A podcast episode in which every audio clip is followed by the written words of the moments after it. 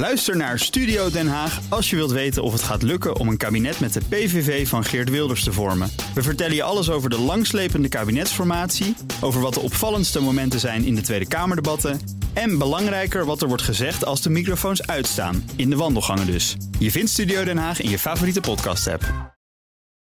Deze podcast wordt mede mogelijk gemaakt door Amdax. Het handelshuis voor de serieuze cryptobelegger. Welkom bij deel 2 van de CryptoCast nummer 230, het podcastgedeelte. In het eerste deel hebben we het gehad over het laatste crypto-nieuws. Je vindt het als de vorige aflevering met een A. Nu gaan we het hebben over bitcoin, fiat geld, bubbels en onze economie... met mijn gast Jasper Leukesen, macro-econoom... en hoofdredacteur van vakblad ESB. Welkom. Ja, dankjewel. En mijn co-host is Paul Buitink, Managing Director van Holland Gold. Welkom, Paul. Hi, Herbert. Voor we beginnen het volgende. De cryptomarkt professionaliseert. Veel particuliere, zakelijke en institutionele beleggers nemen nu cryptovaluta op in hun portfolio. En toch wordt het cryptodomein vaak nog gezien als een anoniem online gebeuren. Voor Amdax is het juist volkomen persoonlijk. Cryptovaluta opslaan, verhandelen of het beheer van je cryptovermogen volledig uit handen geven. Amdax is er voor de serieuze cryptobelegger die zijn portefeuille wil onderbrengen bij een veilige en professionele partij. En als je graag naar de CryptoCast luistert, vergeet dan niet je te abonneren. Dan ben je elke week direct op de hoogte van de nieuwste aflevering. Tot zover de mededelingen. Ehm, Jasper, aan uh, gasten die hier voor het eerst komen, stellen we altijd de vraag: hoe ben je ook weer in aanraking gekomen met crypto? Wanneer hoorde je daar voor het eerst van? Ja, um, uh, in 2011 eigenlijk al. Um, dat is vroeg. Ja, uh, maar daar heb ik helemaal niks mee gedaan. Nee, nee ik ook niet. ik, ging, uh, uh, ik, was, ik ging de Nijmeegse Vierdaagse lopen. Ik was een stuk aan het wandelen met een vriend. En die was een stuk technischer dan ik. En die, die, die, vertelde... Um, eigenlijk meer over de technische aspecten van, van Bitcoin. Dat was, dat was allemaal net nieuw. En hij zei: Ja, daar heeft ook, had ook iemand. Volgens mij was het 2011 voor. Het kan 2012 mhm. zijn geweest. Maar daar had ook iemand uh, voor uh, een paar duizend bitcoin een pizza laten bestellen. Dus het ja, kon ook als echt geld gebruikt worden en zo. En uh, ja. nou, dat, dat, zou, dat zou nog eens heel groot gaan worden. Maar goed, het was zo'n jongen die had altijd interessante technische verhalen. En ja, ik heb dat toen niet altijd serieus genomen. Um, jaren later, 2016, 2007, 2016 denk ik, gaf ik een college over financiële bubbels in Utrecht aan de universiteit. Uh, en toen dacht ik, uh, hey, die, die bitcoin, is dat nog eens wat geworden? Dus toen ben ik erop dat opnieuw op gaan zoeken. En nou ja, waar het dus inderdaad voor 10, 20 cent verhandeld werd in 2000, uh, dollar cent verhandeld werd in 2011, was het iets van 20 dollar of zo uit mijn hoofd. dus dat was echt fors meer geworden. Maar in de tussentijd was het ook veel meer geworden en weer veel minder geworden. Dus ik had een perfect plaatje van een financiële bubbel en een crash. En die heb ik toen in mijn college aan mijn studenten gebruikt. En uh, nou ja, daarna is de bitcoin uh, breder bekend geworden. Um, en, en nu wordt het inderdaad voor ruim 20.000 dollar verhandeld. Um, um, en nou, gevolgd sindsdien vooral. Ja, Oké, okay, helder. Um, je werkt bij vakblad ESB. Ja. Um, mag ik ook nog zeggen economisch-statistische berichten... of hebben jullie de puntjes weggehaald, zoals dat heet? Uh, nee, dat, het, het heet economisch-statistische berichten... maar ja. we zeggen vaak gewoon ESB, want... Begrijp ik. Uh, economisch-statistische berichten is zo lang op de radio. Ja, esb.nu hè, is de, ja. de URL. Um, Oké, okay. uh, wat, is, wat is de, hoe moet je het zeggen, de, de, de missie van, van het blad? Wat is jullie uh, inzicht bieden in de Nederlandse economie en argumenten voor Nederlands uh, uh, economisch beleid. Is echt op, wel op Nederland gericht, het is ook Nederlandstalig. Um, en het zijn allemaal ja, inzichten die gebaseerd zijn op, op onderzoek. Dat kan academisch onderzoek zijn, maar het kan ook meer beleidsgericht onderzoek zijn. en we, we proberen eigenlijk academie, beleid en ook de markt op die manier bij elkaar te brengen. Ja. Um, je bent macro-econoom. Um, leg even uit, je hebt macro-economen, micro-economen, monetair-economen. Wat is uh, de speciale taak van de macro-econoom? Um, macro-economen kijken naar de economie als geheel. Uh -huh. uh, um, macro is ook oud-Grieks voor groot. Um, en uh, dat betekent dat je kijkt naar uh, entiteiten die de economie als geheel kunnen beïnvloeden, zoals bijvoorbeeld de overheid of de centrale bank, of economische sectoren, zoals bijvoorbeeld de huishoudens of uh, de bedrijven. En natuurlijk kun je dat alleen maar doen op het moment dat je voldoende begrip hebt van hoe individuele huishoudens dingen werken. Dus je hebt die micro-macro-paradox daarin zitten. Um, maar uh, uh, het, het, belangrijkste wat denk ik de macro-econoom onderscheidt... Is, uh, is, is, is, naast het kijken naar die macro-dingen... zijn algemene evenwichtseffecten. Dus het idee dat Ehm, een individuele huishouden is, eh, als de prijs omhoog gaat, dan koopt hij ergens minder van. Ja. Ehm, voor alle huishoudens samen, als de prijs eh, omhoog gaat, dan kopen ze daar minder van, waardoor de prijs zich een beetje omlaag gaat.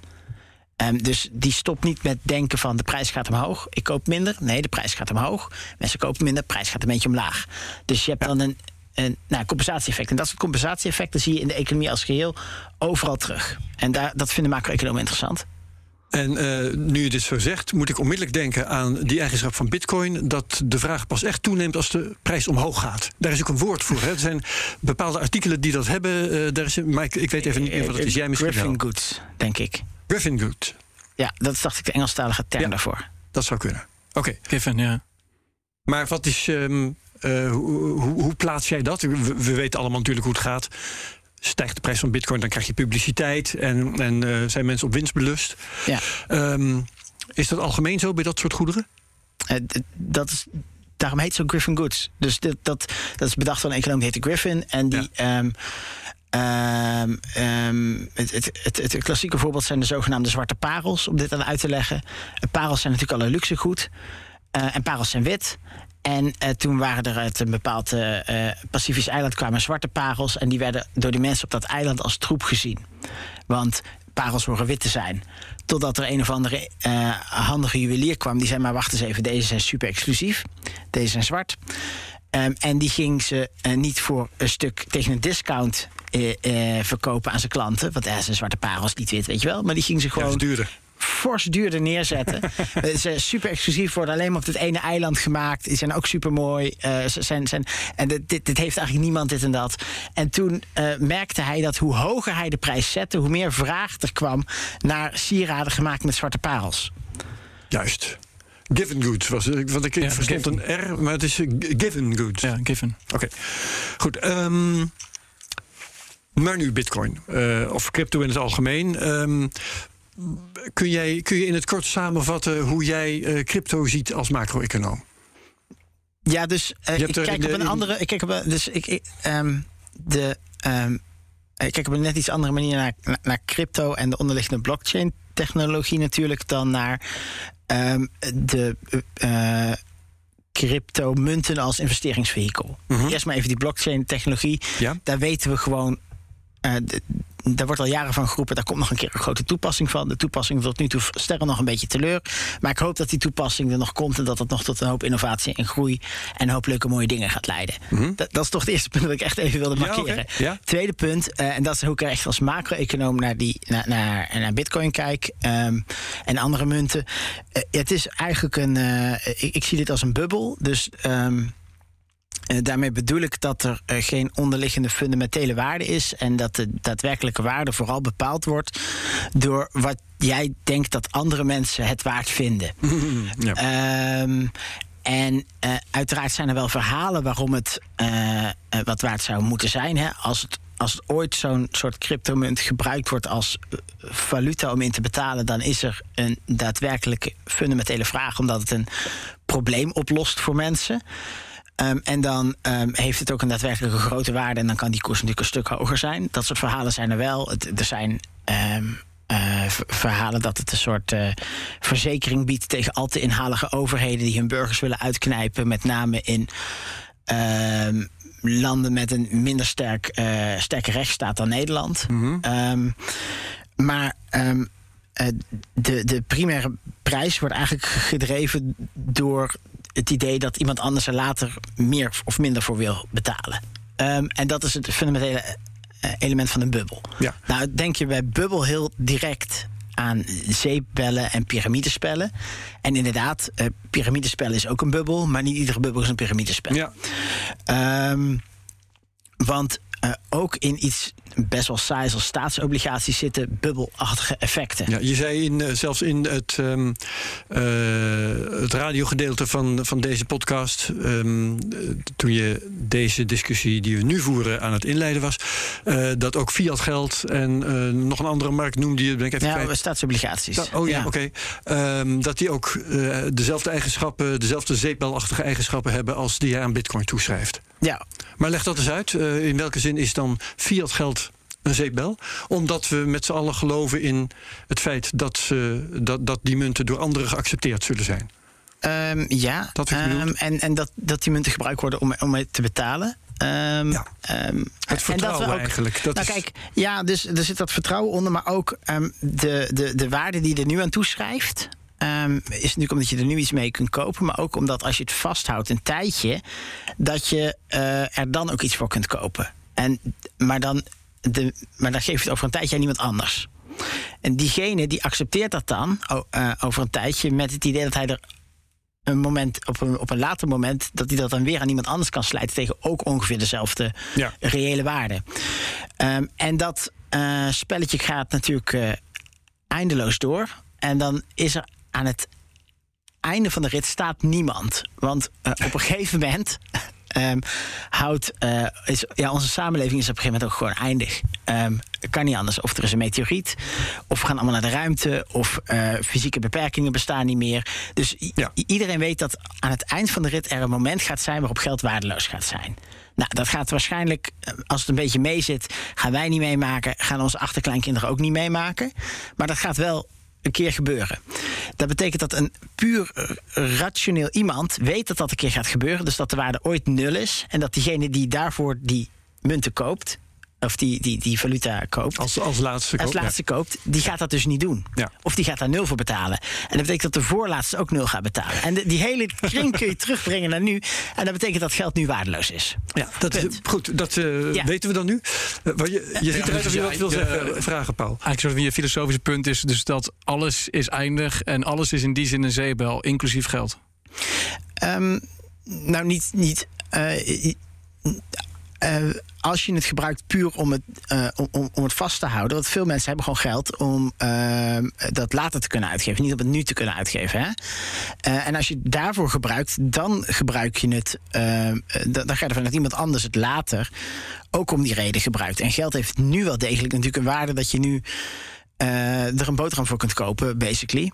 Eh, en dat is, dat is ook wel een heel, hele prettige bijkomstige waarde. En dat je, een, eh, dat, je, dat je transacties kunt doen en zo. Dus er zit ook wel een soort intrinsieke fundamentele waarde in nu. Maar er zit ook een bubbelcomponent in. Ehm, en die bubbelcomponent zit in, in, in, in fiat geld op die manier. Maar die zit natuurlijk ook in staatsobligaties op die manier. En die zit ook in de huizenmarkt op die manier. Ja, en je gaf aan, in ons leven gaan we dat dan misschien niet meemaken dat het huidige geldsysteem ehm, eindig is. Ehm, onder hard geld, mensen wordt Voltaire altijd aangehaald van oké, de intrinsieke waarde van fiat geld is uiteindelijk altijd nul. En er wordt ook altijd gewezen op het feit dat veel fiat eh, geldsystemen een beperkte houdbaarheid hebben. We hebben natuurlijk Bretton Woods in 44, toen gingen we zal er langer meegaan dan ja, 50 dus jaar. niks in ja. 71 zijn maar 40, 50 jaar. Dan is het tijd voor een nieuw, een nieuw regime, een nieuwe geldstandaard. Ehm, ehm, maar als ik jou zo hoor, eh, verwacht jij niet op de, ko- de komende nou, generatie dat er fundamentele eh, wijzigingen plaatsvinden in ons geldsysteem? Of heb ik dat verkeerd eh, gehoord? Nou, er gaat vast van alles gebeuren, maar dat is niet het punt wat ik probeer te maken. Dus het punt wat ik probeer te maken is: eh, het gaat, als je maar ver genoeg in de toekomst kijkt, is het op een gegeven moment waardeloos. Eh, en dat betekent als je het rat- eh, rationeel helemaal terugredeneert, Dat je daar zou, het nu ook, al op moet zou het ook nu al op moeten Ja. anticiperen, zou het ook nu waardeloos moeten zijn. Doen we niet, want eh, mensen willen nu ook investeren om in de toekomst ehm, wat uit te kunnen En geven. je hebt ook niks anders. Je hebt ook niks anders. Je hebt, een alternatief, je hebt, je hebt ook niet echt een alternatief. Dus mensen investeren om die reden ook gewoon in huizen. Want ze willen een beetje rendement maken. Mensen zetten het wat veiliger vast in, in staatsobligaties. Maar mensen houden ook gewoon cash aan. Ja. En dat is ook eh, een argument waarom mensen eh, crypto kopen. Ja, waar ik wel graag op wil ingaan, is eh, wat je net zei: dat crypto in wezen geen, geen eigen waarde heeft. Het wordt intrinsieke waarde of. eh, ehm, ja, de waarde zou dus in feite nul zijn. Ehm, die discussie hebben we hier geregeld. Ja. En daar wordt dan onder andere over, eh, over gezegd door bijvoorbeeld Bert Slachter. eh, Ja, eh, wacht eens eventjes. Dat is wel een hele makkelijke westerse manier om erover te denken. Ja. Als je leeft onder een niet capabele regering, dan denk je daar misschien anders over. Want die heeft een nationale valuta waar ze niet fatsoenlijk voor zorgen. En dan is crypto, en in casu in de praktijk meestal bitcoin, is het enige ehm, waar je wel houvast aan hebt. Nou, mensen houden ook gewoon dollars aan, hè? Bijvoorbeeld, als je in Nigeria woont, kun je ook Amerikaanse dollars aanhouden, bijvoorbeeld. Ja, ja en eh, die is onderhevig aan, eh, aan, aan bijdrukken bijvoorbeeld. Sure. Ehm, eh, maar toch, de dollar is geapprecieerd, ondanks dat er bijgedrukt wordt nu. Nou, een hele andere discussie. Maar dus uh, Bitcoin is één van de, van, van de manieren om dat op te lossen. En dat, en dat heeft daar wel degelijk enige waarde. Ik geloof dat ik dat ook aan het begin van dit gesprek gezegd heb. Oké, okay, ja, je zei inderdaad, er zijn, er zijn verhalen. Maar je, je deed het, uh, wat mij betreft, alsof het verhalen, alsof het verhalen zijn. Die geen feiten. Ja. Nou ja, ik vind dat. Um, ik heb dit gesprek ook met Bert gevoerd. Um, um, en ik, hij heeft een punt.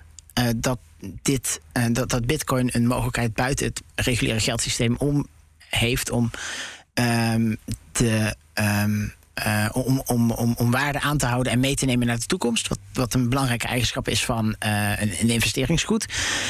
maar dat werkt natuurlijk alleen doordat die overheden de boel niet goed op een rit hebben. Dus op het moment dat die overheden de boel wel goed op een rit hebben, dan zou de bitcoin ook weer in waarde moeten dalen. Of niet meer relevant of praktisch moeten zijn. Um, dus het is wel een soort verzekeringsmechanisme, maar het is verschrikkelijk lastig om daar een harde prijs op te plakken, wat hem dat nou precies waard is. Maar zo'n goed punt, want het, het, feit dat centrale banken nu rentes aan het verhogen zijn, eh, waardoor eh, bitcoin in waarde en prijs daalt, dat is inderdaad in lijn met wat jij zegt. Dus mensen zien bitcoin als een, als een oplossing voor wanbeleid van overheden. Maar op het moment dat, dat de autoriteiten het monetaire beleid proberen te verbeteren, in die zin rentes te verhogen, dan zie je dat bitcoin daar dan last van heeft als verzekeringsinstrument. Nee, nou andere alternatieven worden uh, fiat geld aanhouden wordt gewoon interessanter op het moment dat de rente hoger is. Dus dat betekent dat uh, alternatieven voor fiat geld minder interessant zijn. Wat ik dan wel aan je wilde vragen, um, ten aanzien van, van de zeebelvorming. Het bijzondere van Bitcoin is er wel dat het een, een, een zeebel is die iedere keer weer opnieuw wordt opgeblazen. Als je dat vergelijkt met een tulpenbolle manie of andere manie, was het vaak een eenmalige zeebel en klaar. Maar het feit dat Bitcoin iedere keer dood met wordt consequent hogere bodems. En, ja, en weer, en weer uh, uh, op, opstaat als, als een phoenix uit de as. Uh, dat heeft mij altijd als, als, als Bitcoin-gelover gebruiker. en hou vast geven. Van, uiteindelijk haken er toch wel weer iedere keer meer mensen aan en zien steeds meer mensen de waarde in die we net beschreven hebben. Hoe, hoe zie jij dat, dat patroon dan van uh, uh, dat die zeepbel iedere keer dan opnieuw wordt opgeblazen? En is dat, uh, hebben we dat vaker gezien in het verleden? Om, om nog even nog een, een quote van Slachter tegenaan te gooien. De steeds hogere bodems, dat is het signaal. De volatiliteit is gewoon de ruis. Ja, zo kun je zien. Um, je ziet wel dat de koers iedere keer stijgt op het moment dat er een nieuwe groep investeerders instapt. Um, en um, ook dat is natuurlijk op een gegeven moment eindig. Want op een gegeven moment dan um, zit iedereen die er enig interesse in heeft erin. Dus er zit natuurlijk wel een, een eind in, in die zin. en dat neemt ook weinig dat laat ook onverlet dat die mensen natuurlijk instappen uh, met het idee het later voor meer geld weer aan iemand anders te kunnen verkopen. Dus er zit wel dat. dat uh, um, het, uh, ja, wat, wat de economen soms een beetje gekscherend de greater fool theory in. Mm -hmm. het idee, I'm a fool, but I, I'm going to sell it to a greater fool later on. Um, nou, dat, dat, dat idee zit daar natuurlijk wel achter. Achter het idee dat je je hebt wel op een gegeven moment voldoende nieuwe Greater Fools nodig. Dus als je, als je voorraad Greater Fools op is, dan houdt het ook wel een beetje op. Hoe verklaar je dan dat, uh, bijvoorbeeld, kijk naar, naar goud, uh, heeft de afgelopen duizend jaren zichzelf ontpopt tot een, een, een, een wereldwijde reserve. Die kan aan worden gehouden door centrale banken, individuen. Die Greater Fool Theory is daar op een gegeven moment dan ook toch opgehouden of opgedroogd. En op een gegeven moment is het een soort van stabiele, geaccepteerde asset wereldwijd geworden. Waarom kan Bitcoin niet diezelfde um, datzelfde pad volgen. Ja, dat zou kunnen. Maar dan, dan, dat, dat staat dan toch uh, haaks op je greater fool theory? Of is dat dan een soort van. Nee, maar dan is natuurlijk wel die stijging eruit. Ja, oké, maar, dan, maar dan, dan, ja. dan hoef je niet meer in te klappen. Dus dan de, nou laatste, ja. de, laatste, de laatste zeebel is dan uiteindelijk geen zeebel. De laatste fase zou dan een soort van opblaasfase zijn. En volgens gewoon een, uh, uh, constant op dat level, min of meer. En natuurlijk met, ja, wat, okay. met, met, wat fluctuaties. Ja, over dat, ja, dat niemand dat Bitcoin zich blijft vertienvoudigen. Hè? Dat, nee, is, nee, dat, dat, begrijpt iedereen. Niemand die nee. goed bij zin is. Nee, nou ja, er zijn twee verschillen denk ik met goud. Goud heeft een aantal concrete toepassingen. Er zijn een aantal industriële toepassingen voor goud.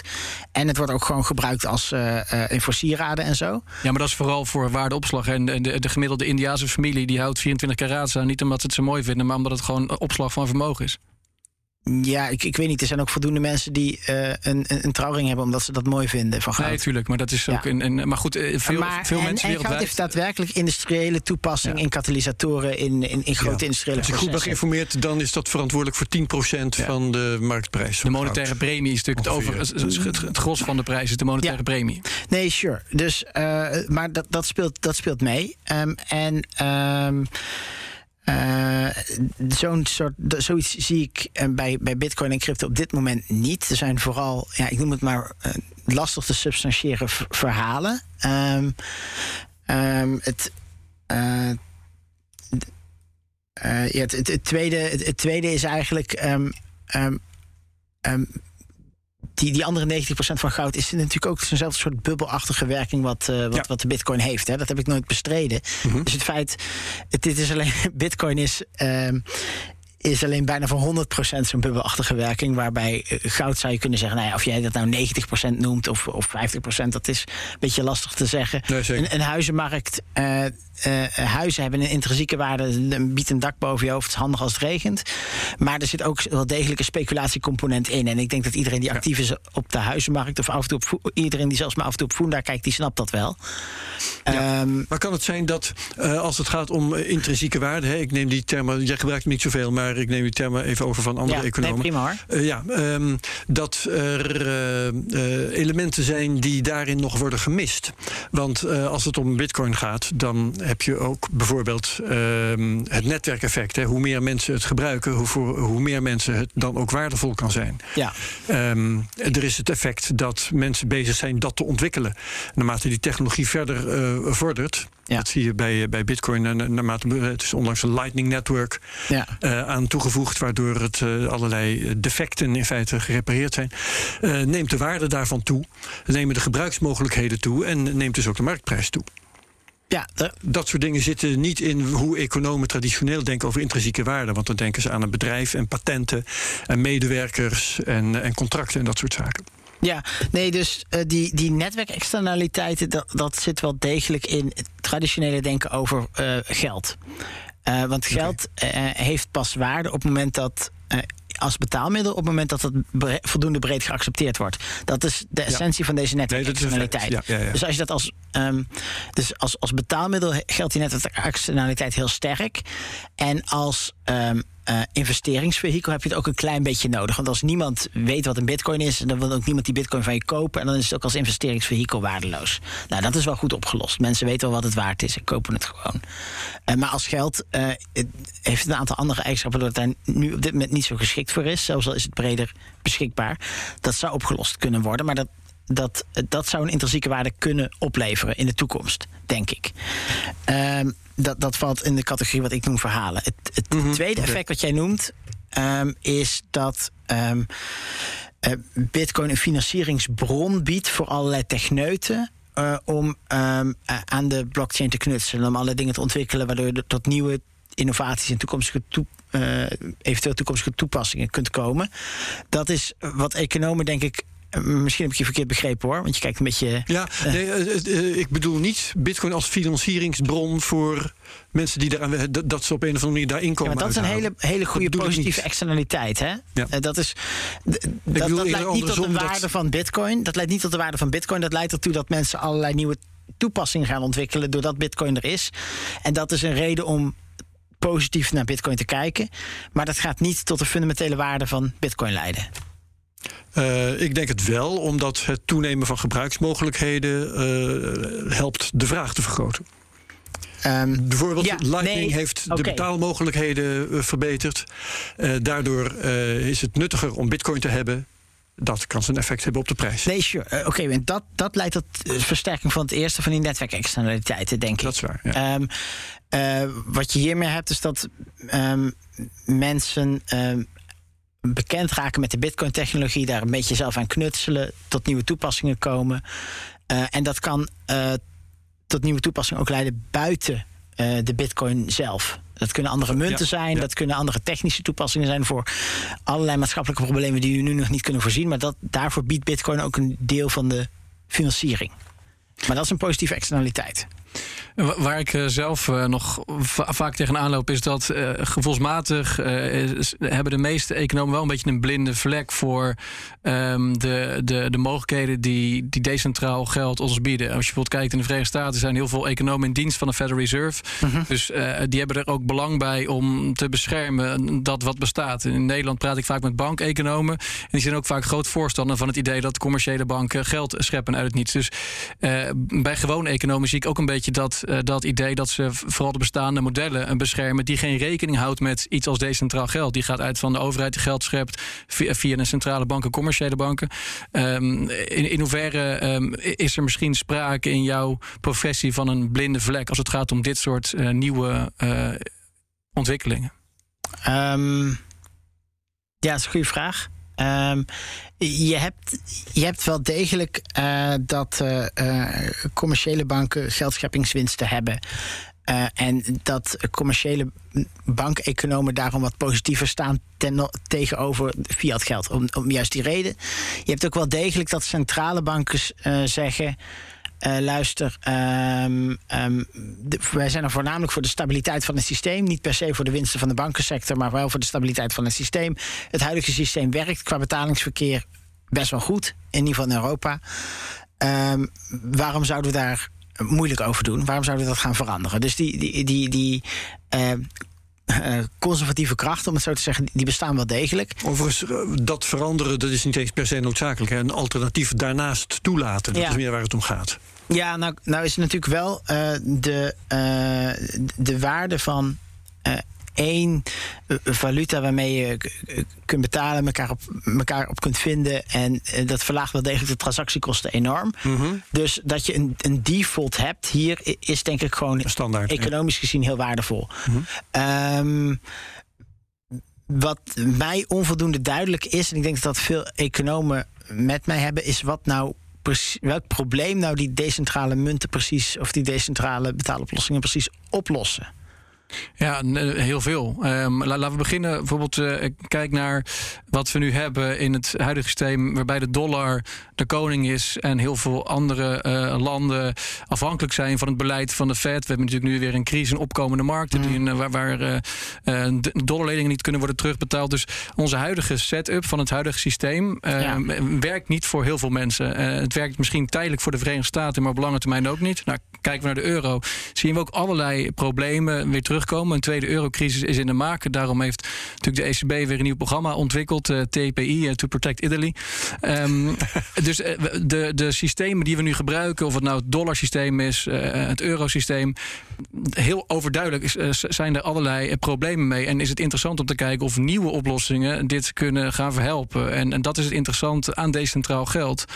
Uh, dat het mogelijkerwijs de wereld in staat stelt om, om beter met elkaar uh, zaken te doen. Zeker in een, in een nieuwe wereld waarbij grenzen vervagen en iedereen online is, is het logisch dat uh, dit soort dingen worden ontwikkeld buiten de status quo om. Ja, kijk, de problemen die jij schetst, die zie ik ook. En die, die, zien heel veel economen ook. Dus er bestaat een hele stroming die zegt... Amerika heeft een, uh, in het Engels wordt dat exorbitant privilege genoemd. Um, uh, Amerika kan gewoon de negatieve kanten van zijn monetaire beleid exporteren naar de rest van de wereld. Um, de euro als gemeenschappelijke munt voor, uh, ik geloof inmiddels 20 landen... Um, werkt niet voor alle landen even goed. Ik bedoel, al die problemen die zijn, die zijn, die, die zijn denk ik gewoon bekend. Dat je Um, micro, daarnaast zijn er natuurlijk microbetaaloplossingen die niet in alle landen even goed werken. En daar zou een decentrale of een um, in platform currency een oplossing voor kunnen zijn. Dat, dat, dat, zie, dat zie ik dan nog net wel. Wat is jouw oplossing dan als, als, als, uh, nou ja, als zie, voorman zie, van ESB? ik, ik, ik zie. Uh, uh, ik zie wat, dat er wat verbeteringen binnen het systeem mogelijk zijn. maar ik zie niet. Um, uh, ik zie ook best wel grote nadelen aan uh, ieder land in Europa zijn eigen munt bijvoorbeeld. Of iedereen zijn eigen munteenheid. Waardoor ik um, um, niet precies zie hoe, dat, hoe die uh, decentrale oplossingen nou de, de problemen die jij noemt gaan oplossen. Dus ik, ik zie de problemen, maar ik zie niet hoe decentrale munten die problemen nou gaan oplossen zonder nieuwe, grotere problemen te creëren, eigenlijk. Ja, nou ja, kijk, daar, daar kan je natuurlijk over debatteren. Uh, maar als je als probleem ziet bijvoorbeeld dat, en dat zien veel mensen, dat het huidige uh, monetair beleid te elastisch is, uh, is het prettig als je daar een, een harde digitale munt uh, tegenover kan zetten en die in gebruik kan gaan nemen. we hebben natuurlijk een hele volatiele bitcoin gezien de afgelopen jaren, maar dat idee van oké, okay, um, de overheid is misschien geen goede bewaker van ons geldsysteem, want um, uiteindelijk als het erop aankomt, geven ze te makkelijk geld uit en is het elastisch, zoals je ook in de euro ziet, of het nou via de ECB is of via de nationale mm. overheden zelf. En zoiets als bitcoin of, of een variant daarop kan een stukje discipline um, geven in het monetaire systeem. Is, zou dat een, een oplossingsrichting dan zijn via crypto dat, je, dat, je, dat het geldsysteem wat meer wordt verankerd? Nog even een antwoord van Jasper en dan wil ik een, eh, een ander onderwerp gaan aansnijden. Ga je gang, Jasper. Ja, um, uh, nou, ik, uh, iedere um, crypto munt die eigenlijk niet de, het aanbod van geld kan aanpassen, gaat denk ik nooit vliegen als munteenheid breder. Dus ik, um, Bitcoin als beleggingsvehikel zie ik absoluut uh, waarde hebben. Um, Um, en en um, je heeft alleen maar naar de koers te kijken, zeg maar, dan weet je dat het een waarde mm. heeft. Uh, Bitcoin um, als, uh, uh, als bredere eenheid voor transacties en, en cryptomunten die daarop gebaseerd zijn, als bredere eenheid voor transacties, zie ik niet zitten, omdat uh, ja, hoe, hoe, kritisch je ook bent op een centrale bank, ze uh, verruimen het aanbod van geld op het moment dat er meer behoefte is aan geld. En ze verkrappen het aanbod van geld op het moment dat er, meer, dat er minder behoefte is aan geld. waardoor de prijzen relatief stabiel blijven. We hebben in Europa nu 8 à 9 procent inflatie. Dat is best veel. Maar we hebben jarenlang uh, net geen 2% inflatie gehad. Wat eigenlijk gewoon uh, on-target keurig is, uh, als je het mij vraagt. Dus ik. Um, um, en 2% inflatie is vervelend, maar ja, misschien moet je dan maar gewoon uh, met je baas praten over meer loon, zeg maar. en daar een beetje mee proberen te dealen. Oké. Okay. Um, Eén ding wat ik je nog heel graag uh, wil voorleggen. Uit de meer extreme hoek aan de andere kant. is Pieter Hazekamp van het Centraal Planbureau. die vorig jaar voorstelde. laten we Bitcoin maar gewoon mm -hmm. verbieden. Want het, het, is alleen maar ellende. Het brengt alleen maar ellende. Wat vind jij daarvan? Nou, het is misschien meer een, een, een, een, maatschappelijk dan een puur economische opvatting. Maar mm -hmm. ik, ik zie. maar laat ik hem toch proberen als econoom te brengen. Kijk, Bitcoin heeft een uh, heeft voornamelijk een, een, bubbelcomponent, zoals ik eerder gezegd heb. Maar dat hebben andere dingen ook. Dat hebben staatsobligaties ook, dat heeft fiat geld ook, dat heeft de huizenmarkt ook. Um, um, en we verbieden die dingen allemaal ook niet. Dus ik zou om principiële redenen niet echt zien waarom je nou bitcoin zou moeten verbieden. Wel zijn er uh, een aantal uh, um, evidente maatschappelijke belangen die je goed moet borgen. Um, je hebt mensen die, die kunnen gewoon onvoldoende met, met, met, goed met geld omgaan. Dus er is een bepaalde zorgplicht voor een bepaalde groep mensen. Uh, je, hebt, je hebt mensen die op basis van bij de crypto is dat veel gebeurt.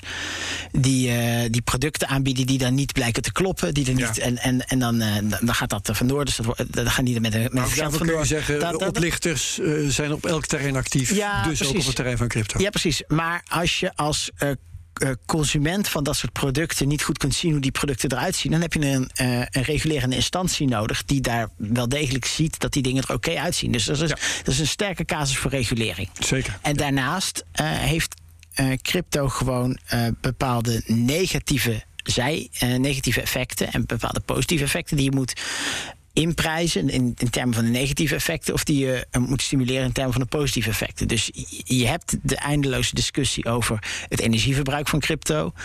Um, ja, daar, daar, daar zul je hoe dan ook iets mee moeten in de, in de prijsstelling van crypto. Dus daar zul je hoe dan ook wat regulering op toe moeten passen, denk ik. Bedoel je dat, dat uh, negatieve milieueffecten ingeprijsd zouden moeten worden op een of andere manier? Ja, Zoals je dat ook bij vlees bij wijze van spreken zou moeten doen? Ja, nee, precies. Ja. Op de, dus, dus er zijn al. Uh, je hebt. Uh, ja, dus ja, je zult, je zult die. De, het, het CO2-beslag moet je moet je opnemen. Ja, je zult, dat zou in brandstofkosten moeten zitten. Dat uh, zou ja. beetje raar zijn om het in de prijs van een crypto te verdisconteren. Nee, dat zou je waarschijnlijk in de prijs van transacties moeten verdisconteren. Dus stel je voor dat een exchange uh, een belasting gaat heffen op een aankoop en dat het wordt afgedragen aan de staat of zo? Ja, of dat ze, dat ze daarvoor CO2-certificaten zouden moeten kopen. Ehm, voor, de, voor de CO2 die dat uitstoot. Of dat je, eh, als het in het buitenland gebeurt, dat je, s- eh, dat je die CO2-vervuiling invoert via een, een Carbon Border Adjustment Mechanism. Maar nog even, als het- als het in- zou je moeten doen. Als het in brandstof kost, want, want eh, miners kunnen eh, milieuvriendelijke brandstoffen, of sorry, ja, milieuvriendelijke energiebronnen Ja. gebruiken. Of minder milieuvriendelijke. Als het in de prijs zit van die brandstoffen, dan is daarmee alles toch gewoon geregeld. Ja, maar, niet- maar dan moet het natuurlijk wel aan die prijs Je zitten. kunt aan een bitcoin niet zien met wat voor eh, energiebron die gemined is. Nee, maar dan, dan, dan moet dat wel natuurlijk afgedwongen worden dat het of in de prijs moet zitten of er Zeker. moet een belasting bovenop. Dus Ja. da- da- die discussie moet je wel, denk ik, voeren. Ehm, ehm, en je zult. En, en daarnaast geldt, ehm, eh, maar dat geldt voor alle producten met een bubbelwerking. dat eh, investeren erin eigenlijk afleidt van investeren in, in, in, wat hij heet de niet-financiële sector. Dus dat zijn gewoon bedrijven die eh, diensten aanbieden, die daadwerkelijk producten maken die we daadwerkelijk consumeren op dit moment. Ehm, dus ehm, eh, de financiële sector leidt zelden, investeren in de financiële sector leidt zelden tot groei. Ehm, investeren in daadwerkelijke fabrieken en bedrijven die diensten aanbieden, leidt wel tot economische groei en tot een maatschappij die eh, welvarender is over het Ja. algemeen. Ja. Dus, je, dus er is wel degelijk een reden om heel kritisch te zijn ten opzichte van groei van de bitcoin. Sector, maar die, die, diezelfde reden, om diezelfde reden zou je heel kritisch moeten zijn op, op groei van de financiële sector Als zodanig. als zodanig. Ja, dat begrijp ik. Eh, nog één ding eh, wat ik je heel graag wil voorleggen voordat we sluiten. Dat is eh, bitcoin als wettig betaalmiddel in landen als El Salvador en de Centraal-Afrikaanse Republiek, Panama trouwens ook. Ehm, heb jij daar een mening over? Vind je dat goed of slecht? Of ben je daar neutraal in? Ehm, nou, ehm, ik, ik, ik, denk niet dat. het- Ik, ik, ik denk dat het vooral een hoop instabiliteit biedt voor mensen met toch al een hele beperkte portemonnee in die landen. Dus daarom eh, heb ik het daar een beetje mee te doen met die mensen. Dus op die manier zou ik dat niet eh, ehm, heel fijn vinden, denk ik. Ehm sta ik er niet heel erg om te springen. Tegelijkertijd. eh, dat zo'n experiment in een land gedaan wordt, ja, daar leren we natuurlijk wel enorm veel van. Eh, ook over hoe valuta werkt, over hoe eh, de monetaire economie werkt, over hoe crypto werkt. Dus eh, ja, ehm, als academicus is dat natuurlijk wel interessant om naar te kijken. Ja, ja als een soort experiment in het wild. Nou ja, ja op, op dezelfde manier dat de euro natuurlijk gewoon een, een muntunie is van twintig economieën die allemaal net onvoldoende op elkaar lijken. Dus dat je ziet dat dat niet goed gaat, is dat natuurlijk als je dat onderzoekt als econoom super interessant. Zo'n schuldencrisis. Eh, maar ja, je zou maar in Griekenland wonen en je inkomen gaat 30% al achteruit. Ja, dan ben je toch gewoon niet eh, heel blij. Ja, en heeft dat experiment in El Salvador al gegevens opgeleverd waar je wat mee kunt of nog niet? Eh, nog niet, nee. Nee. Oké. Nou, dan eh, laten we het hier. Er zijn veel dingen nog eh, blijven liggen waar ik eh, heel graag nog met je over zou willen praten. Dus ik stel voor dat je nog een keer terugkomt. Oké. En dan eh, discussiëren we verder eh, met Paul Buitink als co-host. Of met ja. een ander. Dus we Nou, kijken het, maar het, vraagt om, het scheelt om een vervolg, want ik heb nog honderd vragen. Maar wij zitten Ja. vandaag wat krapper in tijd. Dus ik vond het erg interessant. Maar het is zeker leuk om nog een keer door te praten. Precies. Dus eh, Jasper Lekezen, macro-econoom, hartelijk dank. Hoofdredacteur ook van eh, Economisch-Statistische Berichten. Paul Buitink was mijn co-host. Jij ook heel hartelijk bedankt. Ehm, als je de eh Cryptocast leuk vindt, luister dan ook een keer naar de AEX-factor op BNR. Ook een programma over investeren en beleggen. En zet de Cryptocast van volgende week in je agenda, want dan hebben we een gesprek met niemand minder dan Tuur de Meester. Die eigenlijk geen introductie nodig heeft, maar een bitcoin, bitcoiner van de eerste uur in elk geval. En dat zal gaan over de bitcoin bear market. En eh, Paul Buitink is er dan weer bij trouwens. Ja, zeker. Zie ik in mijn draaiboek staan. Mooi, volgende week. Als je deze aflevering leuk vond, deel hem dan met de volgers op Twitter. Gebruik dan de mention at CryptoCastNL.